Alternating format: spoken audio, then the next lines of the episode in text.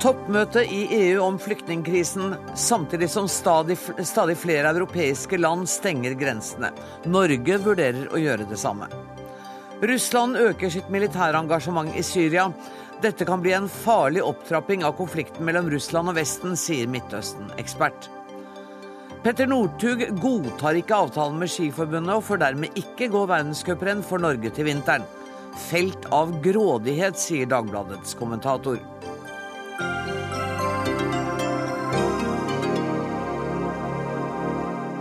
Dette er ukas første Dagsnytt 18-sending, der vi også skal høre at en av Norges største narkotikasaker startet i retten i dag, men aller først.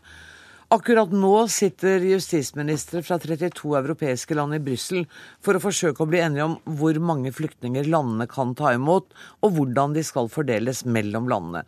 De skal også diskutere om det er mulig å få til en varig kvoteordning for å unngå lignende flyktningkatastrofer i framtida. Og Ulf Sverdrup, direktør ved Norsk utenrikspolitisk institutt, hvor avhengig er EU av å komme til rask enighet om disse spørsmålene? Akkurat nå er det en kaotisk situasjon, og det er uorden. Og folk er usikre på om eh, hva som vil skje i morgen. Eh, så det er viktig for flyktningene, viktig for EUs borgere og viktig for EUs troverdighet å finne frem til en løsning. Eh, men det betyr ikke For det er urealistisk å tro at man finner til At man blir ferdig med saken i kveld. Det er ikke det som er på bordet. Åse Marit Befring, du er eh, NRKs europakorrespondent. Vet du noe om hva som skjer på dette møtet med utenriksministrene?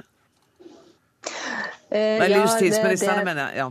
Ja, Det er justisministre ja, og det er innenriksministre fra disse mm. landene. og det, det, jeg vet er at De har fått fremlagt eh, både fra FN og fra Frontex, Europol og andre organisasjoner eh, hvordan situasjonen er. Eh, de har eh, altså, eh, blitt beskrevet eh, grunnen til at de, disse menneskene flykter, hvor viktig det er å styrke mottak osv. Og så vet jeg også at flere land nå er i gang. Bl.a. Tyskland har holdt sitt innlegg eh, før de skal gå i gang med de store diskusjonene. Eh, de kom veldig sent i gang her, så de har neppe kommet eh, til enighet om noe spesielt foreløpig. Men det som er viktig, er i hvert fall å tegne dette bildet før de nå skal gå inn i debatten. Og det bildet er jo todelt. For det ene punktet som ministrene diskuterer, er fordelingen av de 120 000 asylsøkerne som nå er kommet. Det andre punktet er spørsmålet om de permanente flyktningkvotene. Vet du noe om hva det er mest uenighet om? Ja, De to tingene henger for så vidt veldig tett sammen. fordi at Hvis man ikke klarer å bli enige om en midlertidig ordning om å fordele disse 120 000 i en slik krisesituasjon som man nå står i, så klarer man heller ikke å få på plass en permanent ordning. Eh, og Vi har jo hørt hvor, hvor vanskelig det har vært å bli enige om, eh, om eh, en fast kvote, en, at landene skal forplikte seg til å ta imot 120 20 000. Det har det vært stor motstand om, spesielt i de østeuropeiske landene, som vi vet. Eh, og Man har jo også senket ambisjonene her i kveld, eh, der man ønsket å få til bindende kvoter. Eh, så har man ikke et utkast foran seg som sier noe om det. I stedet så diskuterer de nå en mer fleksibel ordning. Så man er egentlig tilbake der man var når man diskuterte disse 40 000 på forsommeren i år, som man skulle fordele. Eh, at det skal være en frivillighet. Hvor lenge kommer de til å sitte og diskutere i kveld, tror du? Nei, Det er veldig veldig vanskelig å si. Nå skal jo alle landene holde innlegg. Også Anonsen skal holde et innlegg uh, som representant for Norge. Uh, og så kommer de til å diskutere dette til de mener at uh, så lenge de mener at det er en, en grunn til å fortsette diskusjonen. Nå hørte vi Sverdrup her si at det er lite trolig at de har løst dette problemet i løpet av kvelden, og det går ut fra at du kan bekrefte? Ja, det er liten grunn til å tro at de skal bli enige her i kveld. og Det ryktes allerede om at det kan bli et toppmøte mellom stats- og regjeringssjefene nå i september. Det er jo satt av et sånt møte i oktober, men at dette kan bli framskyndet fordi at man ikke tror på en løsning her i kveld. Takk skal du ha, Åse Marit eh, Befring. Ulf Sverdrup, et toppmøte mellom stats- og regjeringssjefer i september. Jeg bare føler at tida renner litt ut for de flyktningene og asylsøkerne som dette gjelder nå. Ja, det gjør det, men eh, det renner tid for mange. Det er veldig store spørsmål. Altså, det vi har hørt på, at man ikke blir enig. Det betyr at det, Hvorfor blir man ikke enig? Jo, det er fordi at det er enstemmighet som kreves. På dette feltet. Som vanlig flertallsavstemning eller ikke? Ikke på dette feltet. Okay. Så det må enstemmighet til. Å, og derfor så er det vanskelig, og det finnes, finnes ikke noe grunnlag i EU-systemet for å lage disse faste kvotene. Så man prøver å bygge en konstruksjon mens man er midt i stormen. Det må vi ta inn over oss. og Derfor så kommer dette til å ta, ta tid. Det, vi må tenke litt sånn at Eurokrisen var litt det samme. Da ramma finanskrisen, og man brukte noen år på å finne en løsning. Det samme vil, evige situasjonen er man oppe i nå, i prinsippet. Du sa til NRK tidligere i dag at Dublin-avtalen og Schengen-samarbeidet ikke er konstruert for å takle denne type kriser. Nei, dette er et sjokk, vil jeg si. Eh, kan jeg si at Mange eksperter har sagt at dette kunne man ha forventa. Men det er noe sånn at det er et sjokk på systemet, og det bryter sammen eh, delvis. Og da, Det er der man står nå, og man må finne løsninger som både er kortsiktig kriseløsning, men samtidig prøve å stake ut en kurs for en mer varig løsning. Og Derfor er dette spørsmålet om for det, det man egentlig er diskusjonen, er har vi et felles ansvar for grensekontroll? Og har vi et felles ansvar for å fordele de byrdene og forpliktelsene som kommer av flyktningstrømmen? Det er det som ligger på bordet, egentlig. Og nå har vi hørt at det er flere europeiske land som nå skjerper grensekontrollene sine. Norge vurderer å gjøre det samme. Er ikke det da et tegn på at Schengen-samarbeidet er i ferd med å bryte sammen? Nei, altså det ligger jo, Nå kan Vigdis si mer om Schengen-avtalen. Det, altså, det, som, det, det, som, ligger der, er at alle stater har lov under spesielle kriser å suspendere og gjøre ekstraordinære tiltak. Mm. Så, så, så, sånn sett er situasjonen i og for seg ordinær i den forstand at dette er regulert.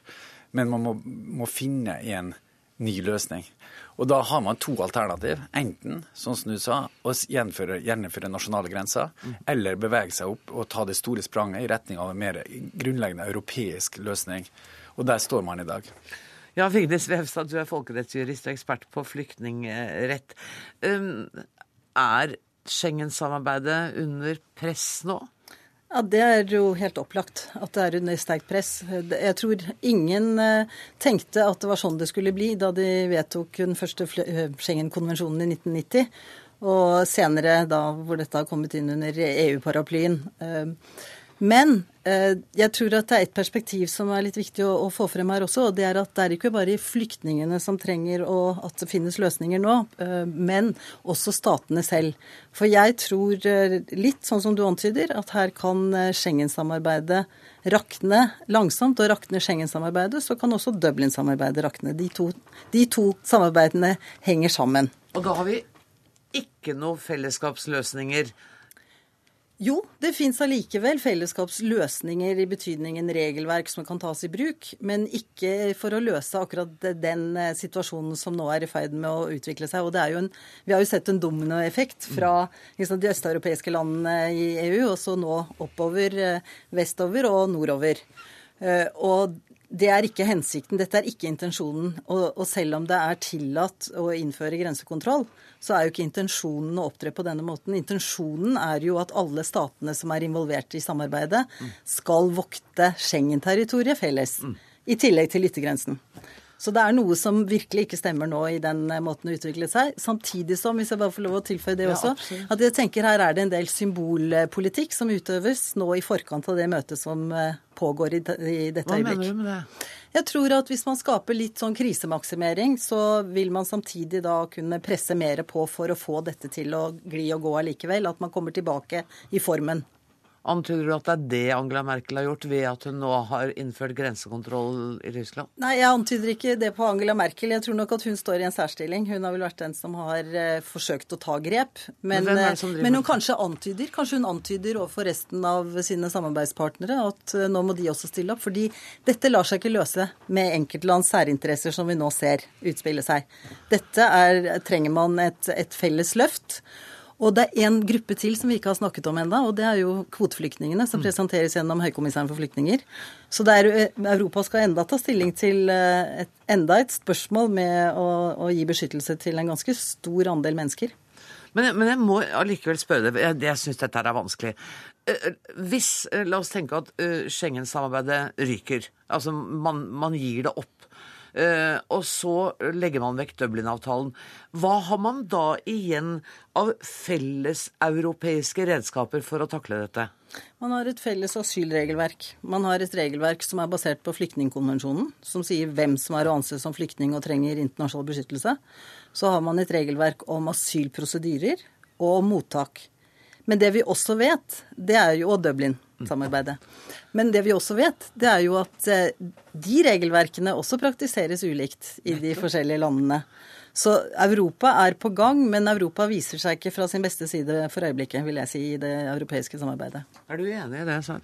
Ja, men vi vet jo òg i tillegg til dette at eh, de, de andre regimene, hvis man ikke har Schengen Dublin, de fungerer ofte ikke akkurat slik man ønsker. Når du får asylshopping, kan man risikere å få. Altså at man søker rundt og finner og behandler søknaden sin mange steder. Eller at enkelte stater vil unnlate å behandle en søknad for å håpe bare på at den flytter til neste. Så det alternativet med å ikke ha en europeisk løsning er heller ikke noen god løsning. Så det, det er jo det er slik ser felt ut hvis vi bare ser inn for migrasjonspolitikk. Ja. Men hvis vi vurderer økonomiske effekter, så er det klart at dette vil innføre grensekontroll betydelig beskranking på økonomisk frihet, på økonomisk aktivitet på kryss og tvers av grensa. Vi vil gå tilbake til en periode der vi har lange, lange, lange kolonner med, med biler og lastebiler som står og venter på å krysse grensa. Det er helt annet Europa enn det vi har i dag. Men har dere noe forslag, har du noe forslag til løsning? Altså? Ja, altså jeg mener den løsningen, jeg må si at den løsningen som kommisjonen har foreslått, er en eh, god løsning. Jeg kjenner ikke, altså Vi kan diskutere ulike detaljer, men jeg tror at man må gå over til en felles grensekontroll i Europa. Okay. Også Det andre man må gjøre, er å se på denne fordelingsnøkkelen. Og man må den, finne fram til en fordelingsnøkkel som Man må automatisere den, og de har laga et prinsipp som er veldig transparent og ryddig. Jeg må få lov til å si det også, at Norge er jo en del av Europa, men vi er ikke en del av dette. Og jeg, jeg ville ha sagt at det har vært naturlig nå at Norge òg adresserer og hjelper til å skissere hva skal være en europeisk løsning, som Norge mener er en god løsning. Mener du at Norge bør forplikte seg i dette her?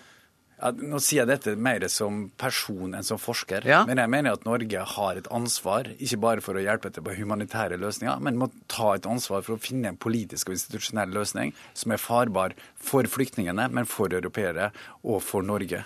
Det er nesten merkelig å tenke seg noe annet. Det var tydelig tale fra direktøren for Utenrikspolitisk institutt, Vevstad. Ja, veldig bra. og, jeg, og, jeg er veldig enig i at, at, jeg tror ikke Norge har imponert gjennom de årene vi har vært med i Schengen- og Dublin-samarbeidet på å ta initiativ, hvilket vi nå kan og bør gjøre. Men det er jo ikke helt riktig å si at vi ikke er med. Vi er jo med i Dublin og Schengen. Ja, ja, og, og, og, nettopp derfor så, så, så bør vi ta det, det type initiativ og absolutt være med. Det som er problematisk, det er jo på litt lengre sikt, hvis man skulle få denne ordningen som kommisjonen også foreslår, hvor man eh, har en fast løsning eh, innenfor Dublin-samarbeidet, hvor man da hjelper det enkelte land som får et stor eh, ankomsttall. Der har ikke Norge noe vi skulle ha sagt, selv om vi er med i Dublin-samarbeidet. For det er en forordning som rådet vil vedta. Men deres utvetydige råd er at Norge bør ta et initiativ. Absolutt. Tusen takk for at dere kom til Dagsnytt 18.0 Sverdrup og Vigdis Vevstad. Hør Dagsnytt 18 når du vil. Radio NRK NO.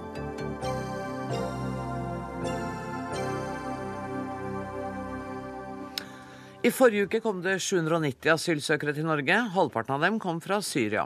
I august kom det 2300 til Norge, og det er det høyeste tallet som har vært registrert siden 1990-tallet. Men er det en grense for hvor mange vi kan ta imot før vårt, vår velferdsordning bryter sammen.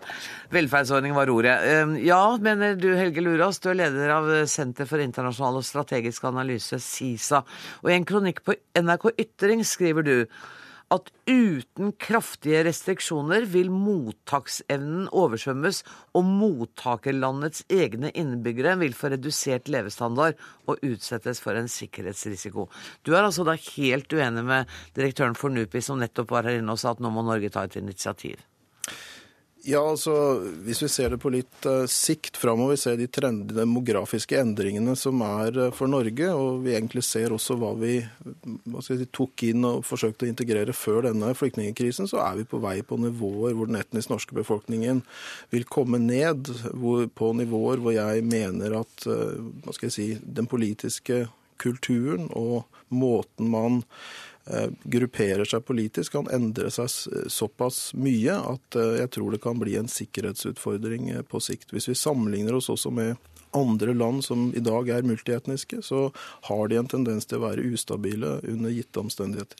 Hvor går grensen, syns du? Nei, Det er vanskelig å si. Det er veldig, altså Innvandringen til Europa er annerledes enn det vi har sett de aller fleste andre steder. Det er en veldig heterogen innvandring. Så hvor nøyaktig den grensen ligger, det er vanskelig å si. Jeg har skrevet en bok hvor dette bl.a. er et tema. og da den har jeg. Det, da indikerer jeg rundt 60, 60 i forhold til, ja. Altså 60% etniske nordmenn, er det ja. det du antyder? Jeg antyder det. Altså, jeg, jeg, altså, den etnisk norske befolkningen stiger ikke med de fødselsratene vi har nå. Så den vil ligge på rundt fire millioner. Og ut fra det så mener jeg kanskje at seks millioner mennesker i, i inneværende hundreår er et fornuftig mål ut fra at vi ikke helt vet konsekvensene. Håvard Nygaard, du er seniorforsker ved PRIO Institutt for fredsforskning. Og du skriver sammen med noen kolleger et svar til Lurås på NRK Ytring at han bygger argumentene sine om at multietniske samfunn er ustabile, og det hørte vi også at han sa det. Er det et feil premiss? Vi mener det er et feil premiss, og det er basert på mye forskning som har blitt gjort på PRIO og andre steder i verden i løpet av spesielt de siste 20 årene. Hvor det har blitt gjort ganske mye forskning. For dette jo, utgangspunktet var jo dette noe man trodde det var en sterk sammenheng mellom multietnisitet, etniske skillelinjer, religiøse skillelinjer, språklige skillelinjer og konflikt. Siden spesielt begynnelsen på 2000-tallet så har det vært masse forskning, masse interesse om nettopp det. Og det er det store spørsmålet her hvorfor blir det konflikt? Ja. Eh, og det som er nærmest konsensus i den forskningslitteraturen, er at Eh, etniske skillelinjer, det å ha multietniske samfunn, har ikke mer konflikt enn en, eh, en stater som bare består av én etnisk gruppe. Men hva oppstår disse konfliktene av? For det man vet jo at i multietniske samfunn så er det flere konflikter. Hvis det ikke skyldes multietnisiteten, hva skyldes det da? Det er jo et utrolig interessant spørsmål. Det er vel kanskje, Denne store forskningen har vel pekt på spesielt tre aspekter som er viktige for å forstå hvorfor det blir konflikt. Det ene er noe så enkelt som eh, områder eller land hvor staten har kontroll over sitt eget territorium, er i stand til å ha kontroll, eh, har veldig mindre, mye mindre konflikt enn stater som ikke har sånne fungerende stater. Det er det ene. Og så er det to helt enkle ting som går på hvor lett er det å drive opprør. Altså I land hvor det er enkelt å mobilisere til opprør, for det å drive opprør er jo ikke enkelt. Det trengs jo mennesker, og det trengs ressurser, og det trengs våpen, og det trengs kuler etc. etc. I de landene hvor du kan, kan eh, relativt enklere mobilisere folk, og relativt enklere betale for opprør, så er det mye mer konflikt. Og de tingene henger sammen. Begge, både statskapasiteten og dette hvor enkelt er det å mobilisere til forskning, til, til, til, opprør, henger nøye sammen med fattigdom. Mm. Og nå er det sånn at tilfeldigvis, og det mener jeg faktisk tilfeldigvis, så er det sånn at mange av de fattigste landene i verden og er mange av de mest eh, multietniske samfunnene i verden. Mm. Men det er da tilfeldig, mener vår forskning. Akkurat. Og ingen av de tre eh, argumentene her, dette med en svak stat, lett å gjøre opprør eller utbredt fattigdom, ja. eh, kan sies om Norge. Sånn at vi på en måte kan se litt bort fra de tre argumentene. Det, det ja. Altså, dette her, er du, er du rett og slett redd for at det skal komme for mange ikke-etniske nordmenn hit til landet? Ja, altså, Jeg ser jo dette på lang sikt, og vi har ingen garanti for at den økonomiske situasjonen i Norge bare kommer til å være på stigende kurs dette hundreåret. Så det går jo også på en, en generell analyse at vi er i ferd med å gå inn i en ressursknapp situasjon. Vi får klimaendringer, vi kan kunne komme til å få en del problemer. Men det er også interessant i forhold til de argumentene som blir gitt her. altså Statens kapasitet å ha kontroll på sitt eget territorium er jo også knytta til graden av homogenitet i den befolkningen, i forhold til hvilken legitimitet den har. Og Når det gjelder å mobilisere befolkningen, så ser vi jo det i disse konfliktområdene, at de mobiliseres langs etniske, religiøse skillelinjer. Det som spiller seg ut i Syria, er jo nettopp eksempel på det. Så jeg har vanskelig med å se hvor den forskningen egentlig tar sine, hva skal jeg si, sin empiri fra. Jeg tror kanskje det har litt å gjøre med hvordan man kategoriserer det, for vi har en rekke eksempler. Nord-Irland, tidligere Jugoslavia, nåværende land på Balkan, Syria, Irak, Afghanistan, Rwanda, Burundi. Vi har den siste konflikten i Ukraina, hvor det er snakk om ukrainere mot russere. Altså Det er en rekke eksempler hvor nettopp den etniske dimensjonen spiller inn på konflikten. og Da er det underlig at det påstås her at det er konsensum om forskningen. Altså Det er det første er jeg ikke enig i. Og det andre handler jo i så fall om hvor realitetsorientert den forskningen er, når vi ser på de konfliktene som er, i forhold til hvor multietniske, multisekteriske og religiøse disse landene er. Ja, Her er det jo eh, mye å ta tak i. Dette er jo uh, OK, eh, hvor skal vi begynne hen? Dette med hvor du vil. Hvor, ikke sant? Ja, la oss begynne med mobiliseringen. Det, når jeg sier mobilisering, så det interessante her er ikke nødvendigvis hvordan man motiverer konflikten. Spørsmålet er hvordan du får noen til å faktisk bli med i en opprørsgruppe. Og det å få noen til å bli med i opprørsgruppe som, da, da, må du, eh, da, må du, gi deg da, får du folk til å ta på seg ganske mye risiko, og du må i situasjoner sant, betale for eh, lønnen deres, du må betale for utstyret deres, du må betale for, for, eh, for maten deres, og disse folkene har kanskje òg en familie etc. de må ta vare på. Så det som er interessant her, er jo ikke bare hvordan du motiverer dem, Spørsmålet er hvordan du kan være i stand til å mobilisere dem. Okay. Og den mobiliseringsbiten er veldig mye mer interessant enn motiveringsbiten. For poenget er sånn at i alle samfunn i verden i dag, så er det sånn at det vil være en eller annen sak som det vil være en gruppe en eller annen sak som en gruppe mennesker vil kunne mobiliseres rundt og for å kunne gjøre opprør. Spørsmålet er hvilke stater det faktisk er mulig å gjøre opprør. Og Det handler ikke om etnisitet, det handler om hvordan du betaler for opprøret, om du er i stand til å unnslippe staten. Men, men sa Luras at han ser på det i det litt lange perspektivet, ikke sånn i dag og i morgen, men, men langt fremover. Ja. Mener du at det ikke er noen grenser for hvor mange ikke-etniske nordmenn det kan bo i dette landet, og at vi allikevel kan kalle oss norske? Det OK. Hva jeg mener om det, er egentlig ikke så relevant her. Okay. For jeg mener at eh, hvorvidt vi kaller oss norske eller ikke kaller oss norske, eh, er ikke så viktig for om vi kommer til å ha konflikt i Norge eller ikke.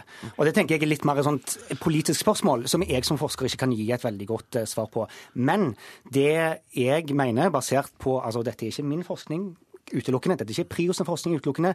Dette er forskning som kommer fra de tyngste fagmiljøene i hele verden, som mener at det ikke er en robust sammenheng mellom de landene som har masse etniske, religiøse, språklige, eller hva du kaller det for noe, skillelinjer, og konflikt. Men her er det helt åpenbart uenighet eh, mellom dere og hvordan man vurderer den forskningen, lurer oss. Ja, altså jeg, jeg, jeg, vil jo si at dette er i så fall veldig idealistisk forskning, og det har jo vært prega av veldig mye vestlig tenkning. har vært prega av den type forhåpningsfulle ideer om hva framtiden skulle bringe. Og noen av disse intervensjonene vi har sett, har jo også Amerikanerne hadde jo voldsom tro på hvor demokratisk og stabilt Irak skulle bli etter at de in, hva skal jeg si, invaderte, okkuperte og innførte, etter deres oppfatning, da demokrati. Mm. Sånn at dette dette har vært en langsiktig, eller i hvert fall noe vi har sett veldig tydelig etter, etter den kalde krigen i mange forskningsmiljøer, mens jeg da kanskje påkaller litt større realisme i forhold til hva utfordringen er. Vet du hva jeg er nødt til å sette Nei, du, jeg, kan, jeg, kan ikke, kan ikke, slutte med at oh, han mener at vi driver idealistisk forskning. Oh, nei, okay. nei, ok. For her er det, for det første så er det sånn at eh, Prio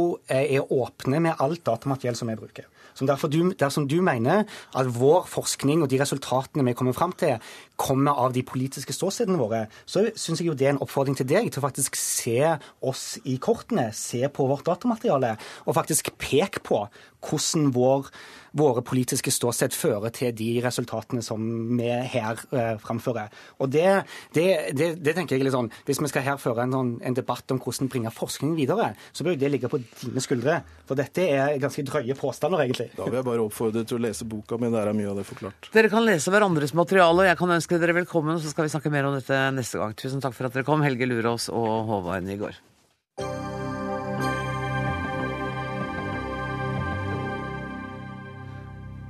Og nå sport, som de sier i Dagsrevyen. Langrennsløper Petter Northug er nemlig utestengt både fra verdenscupen og Tour de Ski denne vinteren. Norges Skiforbund og Petter Northug ble ikke enige om en avtale. Og her skal vi høre skipresident Erik Røste forklare hva som har skjedd. Vi fortsetter planleggingen mot kommende sesong med de utøverne som har eh, signert avtale.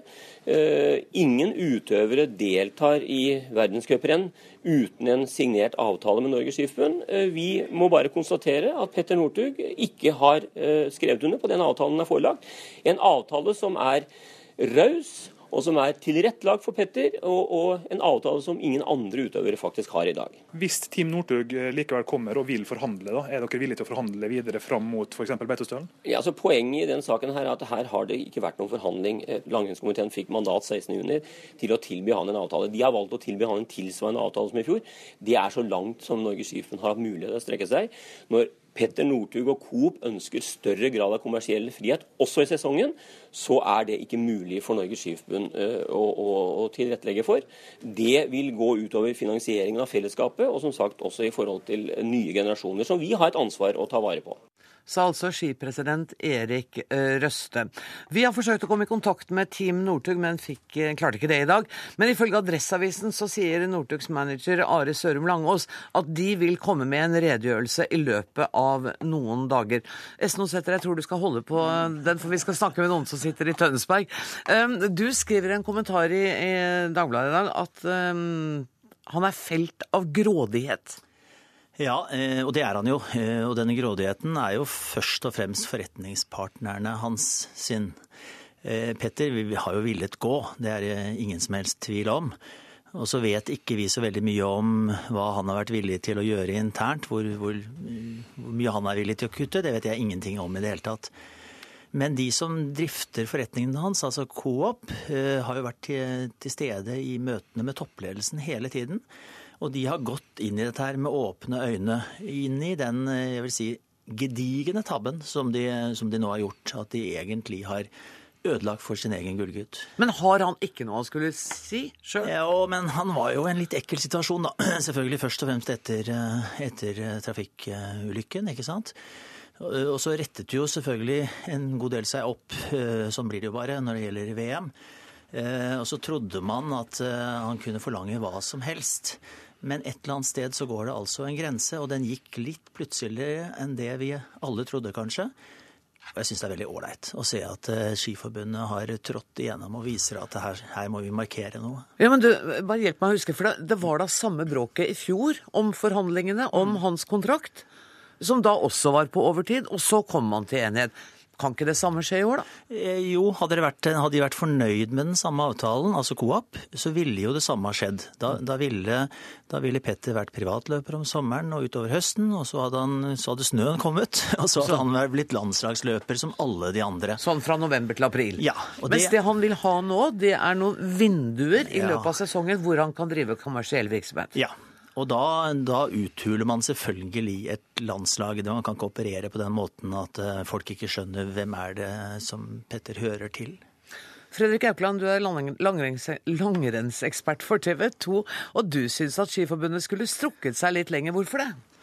Nei, først og fremst, Jeg er nok ikke her for å forsvare verken Petter Northug eller hans eh, sponsorer. Jeg ønsker å se ekte idrett, eh, de beste mot de beste. Jeg ønsker å se Petter Northug på startstreken. Det tror jeg både Esten og Sæther og mange andre er enig med meg i. Men, men, jeg er opptatt av at det må være mulig eh, å få til et samarbeid. Altså Samarbeid er løsningen.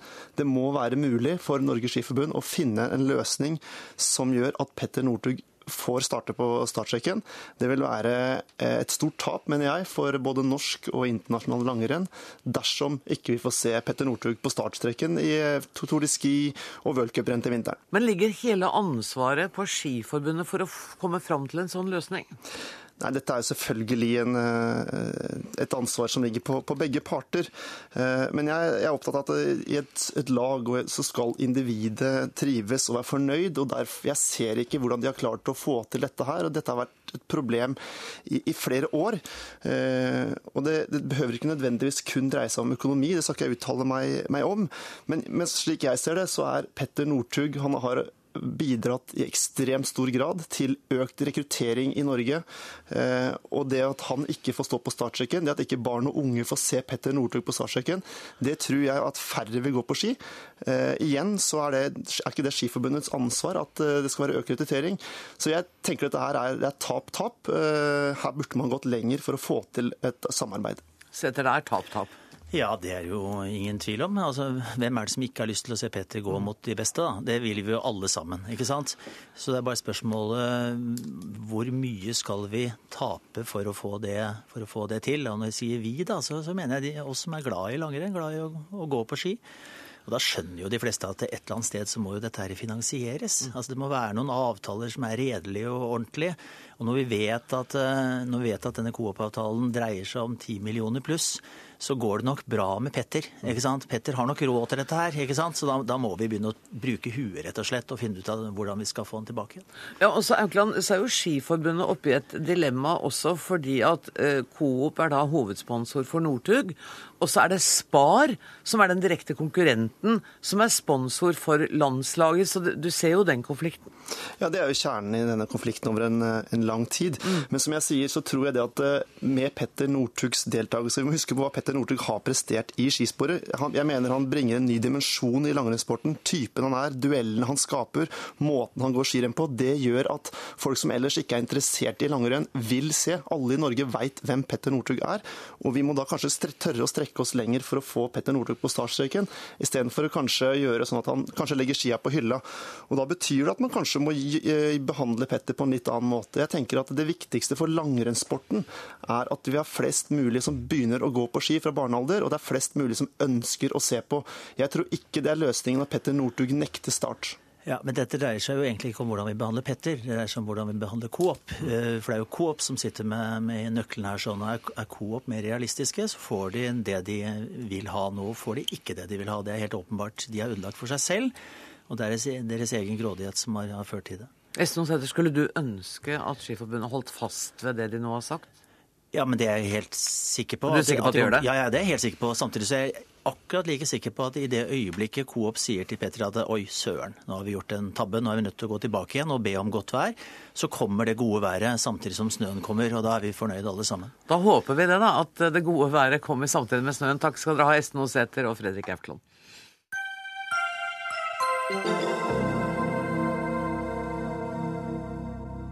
Nå er det nokså nøyaktig to og en halv time til valglokalene stenger. Og så fortsatt så er det et åpent spørsmål hvem som overtar makta i flere av byene her i landet. Magnus Takvam, politisk kommentator her i NRK. Hvor står de mest spennende slagene i kveld? Det er selvfølgelig i de store byene, og helt spesielt i de to aller største, Oslo og Bergen. Eh, Ellers så er jeg personlig også spent selvfølgelig på hvordan en del av de andre partiene eh, kommer ut nasjonalt i oppslutning. Eh, kanskje særlig Fremskrittspartiet og Miljøpartiet De Grønne.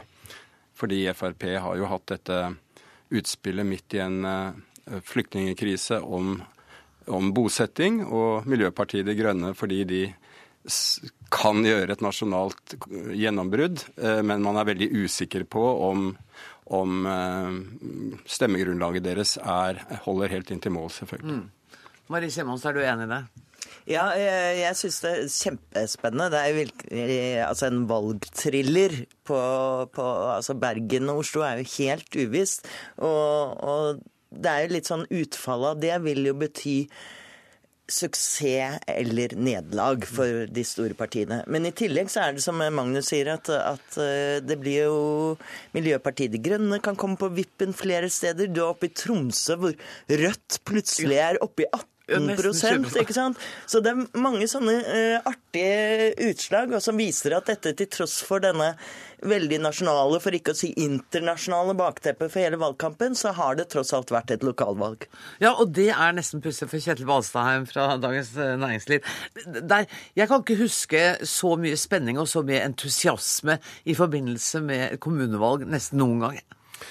Nei, og det er eh, og, og med spenning eh, altså vi, Riksmediene har jo en tendens til å være veldig opptatt av hva som skjer i Oslo. Ja. Men uh, i år har det jo også handlet ganske mye om særlig om Bergen, men også om, om Tromsø, Tromsø. Mm. blant annet. Så, så det, er, det, er, mye spennende lokalt, og det er mye spennende på det nasjonalt nivå med Miljøpartiet, med Fremskrittspartiet. Og dette er også Arbeiderpartileder Jonas Gahr Støres første valgkamp der han har det ansvaret han har nå. Så det har jo også vært en av de spennende tingene. Og du har skrevet nettopp om valgkampen, altså ikke om valget. Og der utroper du SV til vinneren. Ja, da, det er, da har jeg sett på gjennomsnittet av målingene for de, de, fem mest intense valgkampukene. Og der er det SV som har gått mest frem. Men det er jo ikke mye, det er ett prosentpoeng. Men for SV så er det prosentpoenget, hvis det stemmer, da, mm. så er det forskjellen på depresjon og en viss opptur. Fordi de har jo hatt en kurve som bare har pekt nedover. Mm. Og hvis de da får eh, en liten fremgang fra sist, så vil det bety veldig mye for stemningen i det partiet. Men apropos at vi her som sitter i Dagsnytt 18-studio kanskje er litt opptatt av rikspolitikk, og det blir veldig sånn fokus på partilederne, så er det jo flere som har gjort uh, hatt et godt valg. F.eks.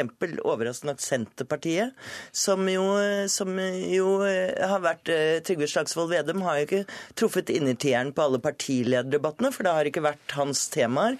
Kommunereform og alt dette som han skulle glede seg til å debattere, det er forsvunnet helt. Men, eh, men, eh, når man ser rundt omkring på lokalplan, så har Senterpartiet gjort en ålreit eh, valgkamp. Det tror jeg kommer av, eller det er et aspekt ved dette valget at selvfølgelig de to største partiene med nødvendighet må være av og til ganske diffuse på en del konfliktfylte saker. Men la oss si Senterpartiet i, i deres tradisjonelt sterke fylker som innlandsfylkene Hedmark og Oppland, Sogn og Fjordane og Nord-Trøndelag, så ser det ut til at de, i hvert fall ifølge meningsmålingene, gjør et veldig godt valg.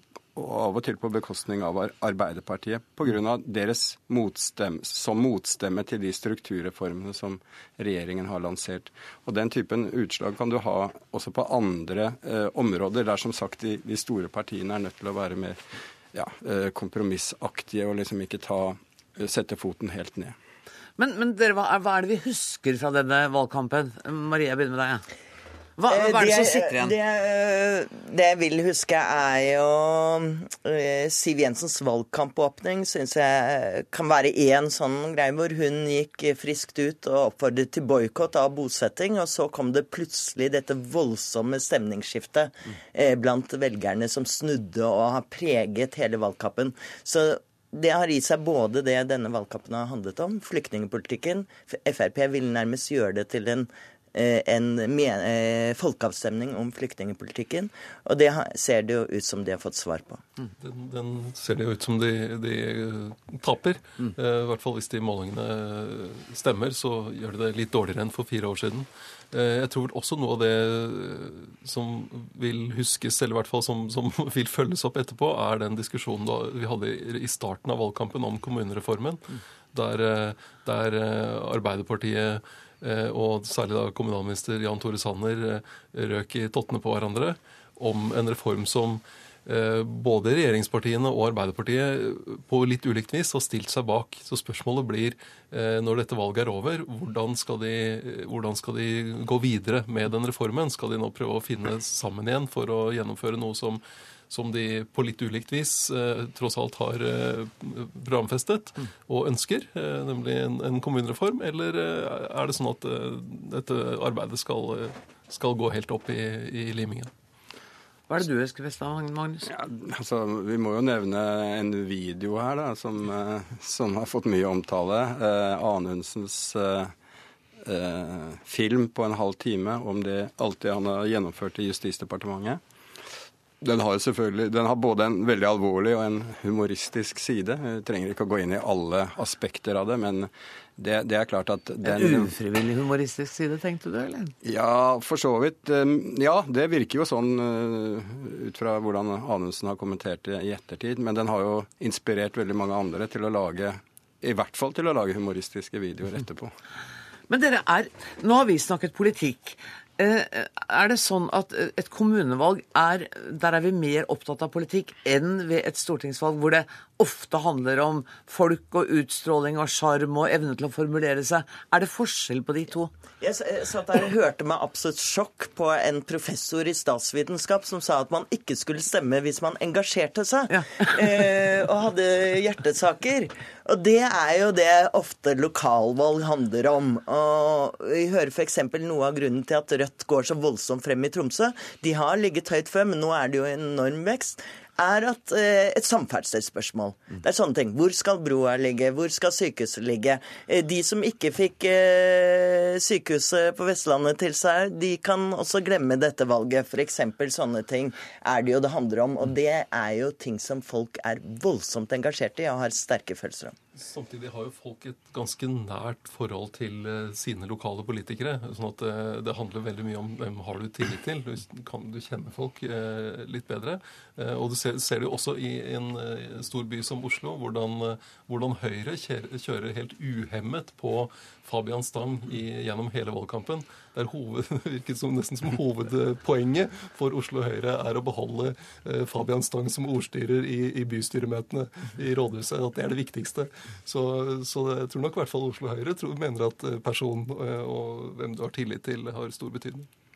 Med omvendt eh, logikk så er Erna Solberg den som dominerer eh, valgplakatene til Høyre i Bergen. Og, så der har ikke det lokale partiet så mye drahjelp fra sine egne, for å Nei, si det for, sånn. Men det er kanskje spesielle grunner i Bergen? Jo, jo, men det viser jo at, eh, at eh, det er en lokalpolitisk agenda. Hvordan eh, skal vi si, et byråd har manøvrert i løpet av, av denne perioden, og eventuelt da velgernes reaksjon på det. Men, men det er helt klart at dette valget også har i seg et element av eh, en halvveisdom over regjeringen også.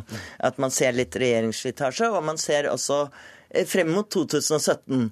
Hvis det resultatet som eh, det ligger an til nå, så har jo de, eh, de blå tapt sitt eh, eh, det mandatet de vant på i stortingsvalget i 2013.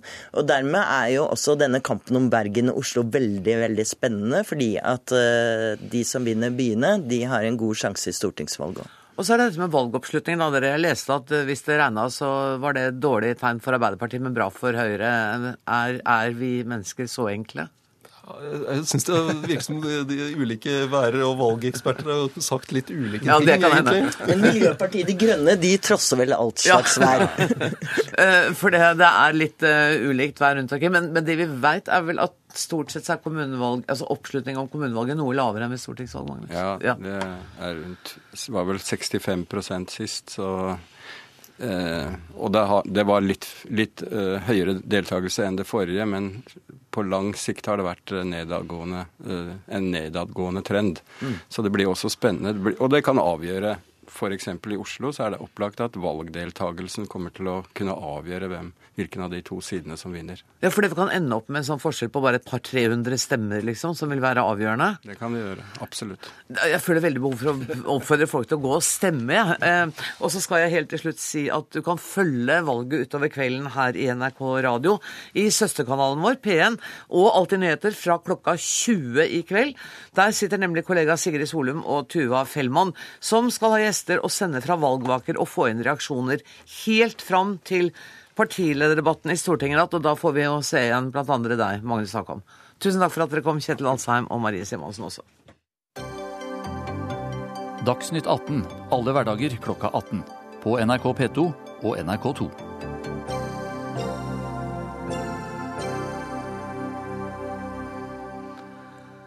Under hele borgerkrigen i Syria har Russland støttet president Bashar al-Assad, og nå øker landet sitt militære engasjement, bl.a. med å sende flere militære rådgivere, spesialister og militært utstyr. Nils Buttensen, du er professor i statsvitenskap ved Senter for menneskerettigheter ved Universitetet i Oslo. Hvor viktig for Assad er denne støtten fra Russland? Ja, Den er uhyre viktig, for han har jo ikke veldig mange venner. Så, så russisk støtte som Altså, det er, det er nok Det russiske støtten er ikke nødvendigvis direkte til president Assad, men eh, den er heller mot eh, Vestens håndtering av denne krisen, og for å sikre at ikke Vesten gjør det samme feilgrepene som de gjorde i Libya i 2011, nemlig å bombe eh, lage en regimeskifte gjennom bombing. Ja, nettopp. Er de også imot IS? Ligger det noe Ja. ja. Sånn, så jeg tenker at mm, hvis Vesten og Russland kunne enes om i hvert fall å bekjempe IS, så kunne vi vært et skritt videre? Nei. Så enkelt altså, er det ikke. Nei, så enkelt. Altså, det er noe med, Hvis vi skal ta det store bildet, tror jeg, først, så er det at eh, stormaktene har jo rivalisert om innflytelse i Midtøsten i århundrer, faktisk. Og det har noe å gjøre med den svake statsmakten som man har i, i disse, denne regionen, som tiltrekker seg stormaktsintervensjon for å hindre at en rivaliserende stormakt eh, fyller maktvakuumet. Så, så det er liksom det store bildet. Og så eh, så vi da, da Sovjetunionen falt sammen i 1991, så overlot de på en måte engasjementet eller initiativet og ledelsen eh, til USA når det gjaldt å liksom håndtere eh, kriser i Midtøsten. Men det var inntil egentlig eh, 2011 og den arabiske våren og bombingen av Libya, hvor russerne følte seg lurt av Vesten. Eh, Fordi de forutsatte at ikke man skulle gå til noen regimeendring gjennom bombing. Så de sa 'never again'. Eh, Så det, det er liksom et, et skifte. Og så er det selvfølgelig en del av det store bildet er jo Putins oppbygging av Russland som en ny eh, russisk stormakt etter sammenbruddet i Sovjetunionen. Og denne, på den annen side, den vestlige ekspansjonen inn på tidligere sovjetiske eh, innflytelsessfærer i eh, Øst-Europa, som russerne har følt seg veldig provosert av. Og så nå får vi en, på en måte en, at Vestens, eller USAs, Natos eh, ekspansjon østover møter en, sovjet, en russisk oppbygging mm. som kommer østfra. Og dette gir seg også utslag i Midtøsten, som jo er på en måte russernes eh, underbelly. ikke sant? Ja, nettopp. Morten Jentoft, eh, du er eh, vår korrespondent eh, i Russland. Hvor omfattende er denne russiske militærstøtten til Assad? Ja, Den er jo eh, omfattende i og med at dette har jo sterke historiske røtter, altså helt tilbake i sovjettiden, som det ble her nevnt. Altså uh, Hafiz Assad, eh, far til Bashir Assad, han uh, ble jo mottatt som en helt her i Russland i uh, 1974, eh, etter denne eh, Jom Kippur-krigen i 1973, da i prinsippet da Israel da klarte å slå tilbake de arabiske landene, men der russerne så på Syria da som den viktigste motvekten mot eh, Israels dominans og amerikanernes dominans i Midtøsten. Sånn at det er sterke bånd direkte mellom Assad-familien og eh, den russiske eh, ledelsen. Den, eh, og så har man da hele tiden da støttet det syriske regimet med våpen, med rådgivere. Dette det er ikke noe som skjer akkurat nå. Men det som skjer nå, det er at det er en økning i denne hjelpen. Eh, man har bl.a. ifølge flere ulike kilder da, overført eh, eh, stridsvogner da, for å kunne forsvare det som ligner på baseanlegg da i, i eh, Latakia-provinsen ved kysten, altså der eh, alawittene, der hvor så hører denne etniske religiøse gruppen som Assad-familien hører til, har sitt hovedfeste. Og det spekuleres jo i om denne basen da eventuelt skal brukes da til luftstøtte da til de hardt pressede regjeringsstyrkene, bl.a.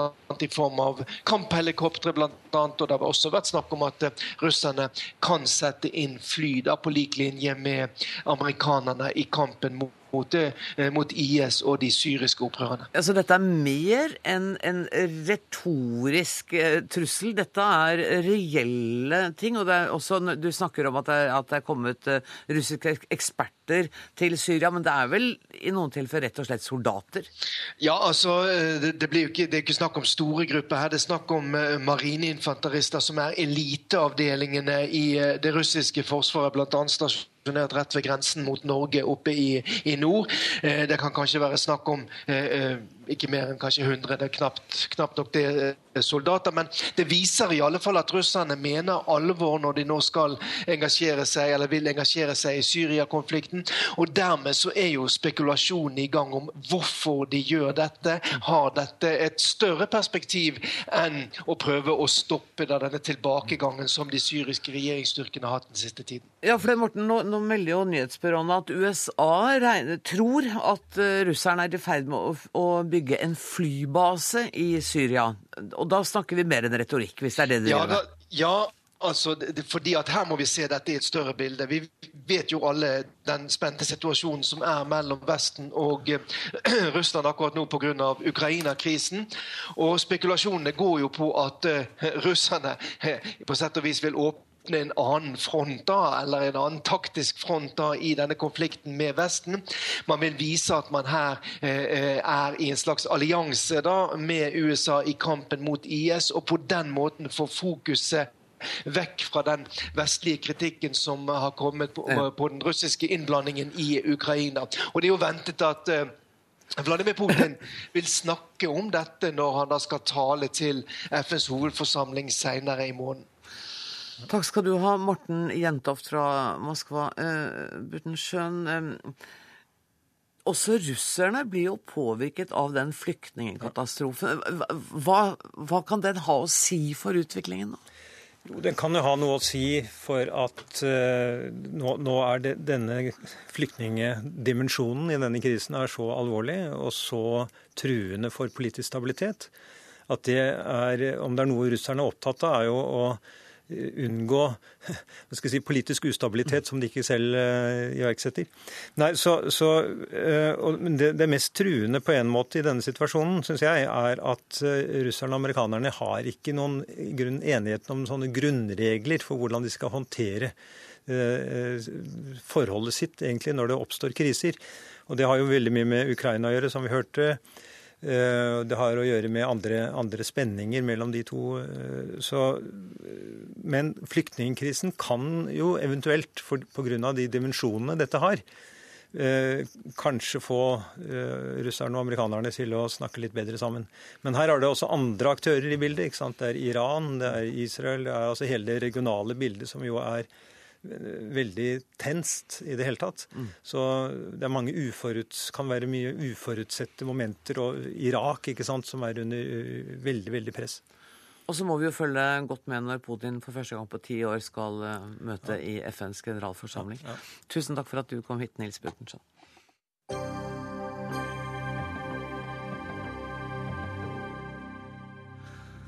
I dag startet en av norgeshistoriens mest omfattende narkotikasaker. Gjermund Cappelen er utpekt som hovedmannen i en organisert kriminell gruppe, ifølge politiet. De mener han har oppbevart og solgt opp mot 1,4 tonn hasj. Inge D. Hansen, rettskommentator i Aftenposten, velkommen til Dagsnytt 18.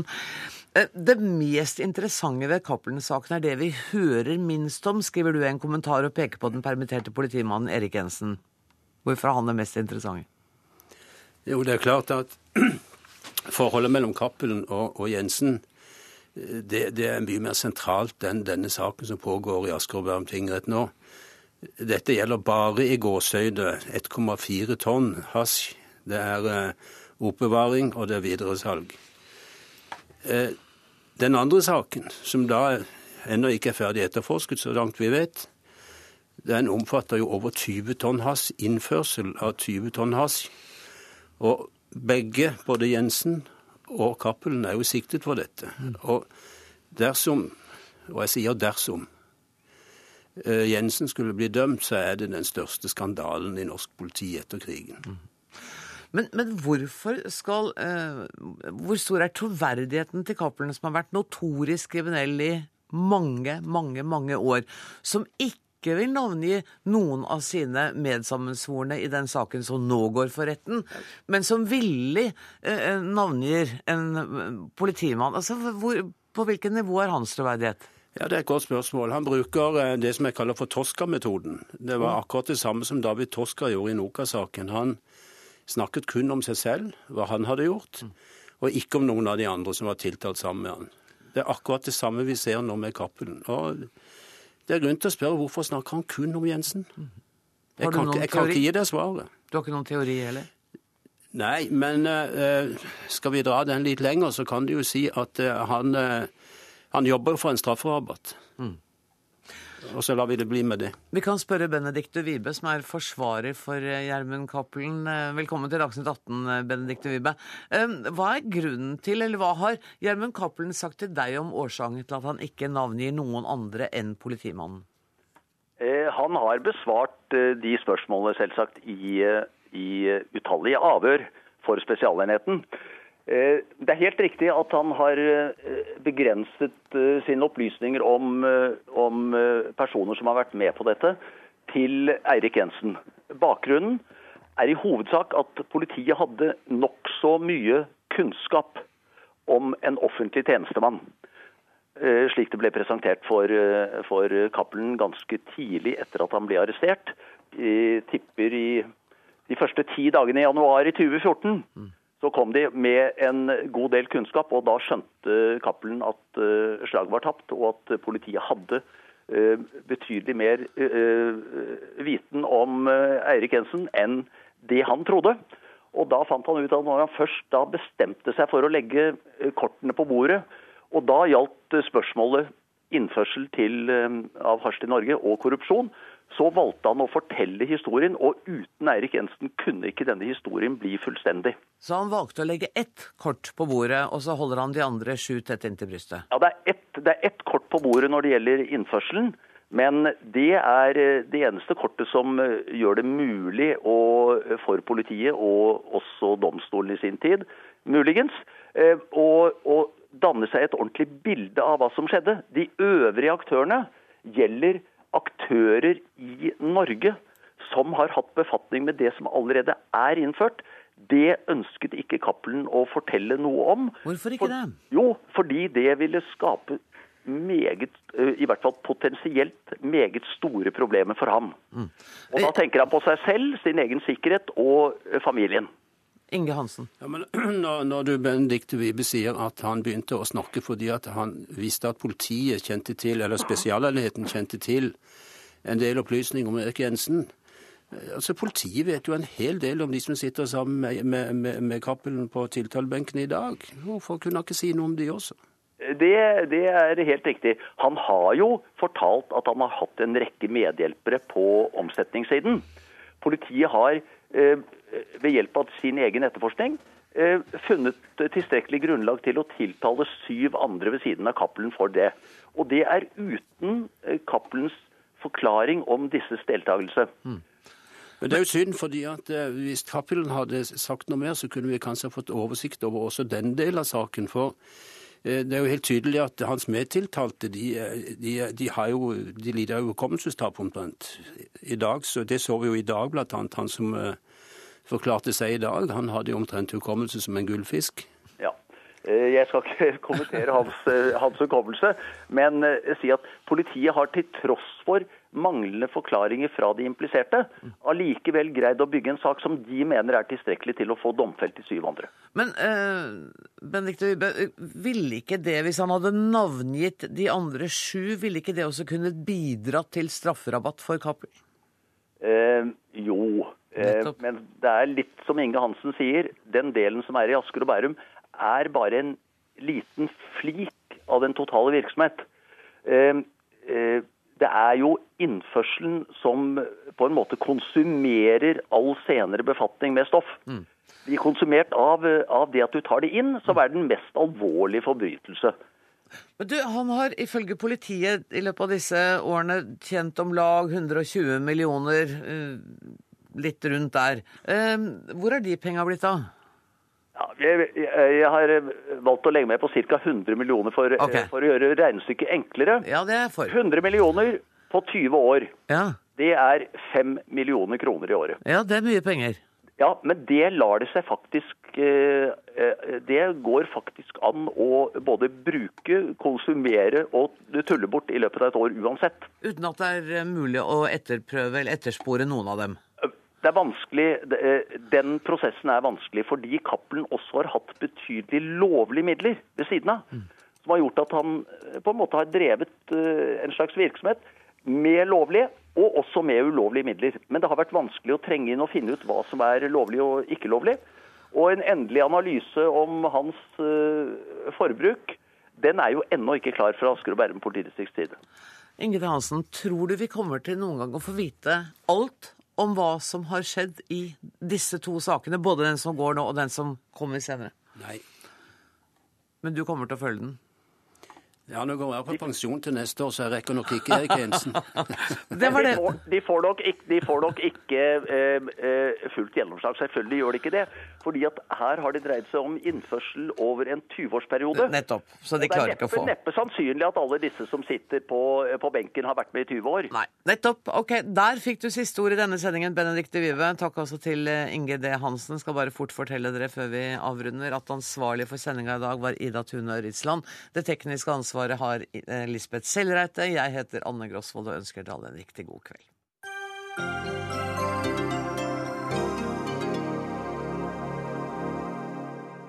Hør flere podkaster på nrk.no podkast.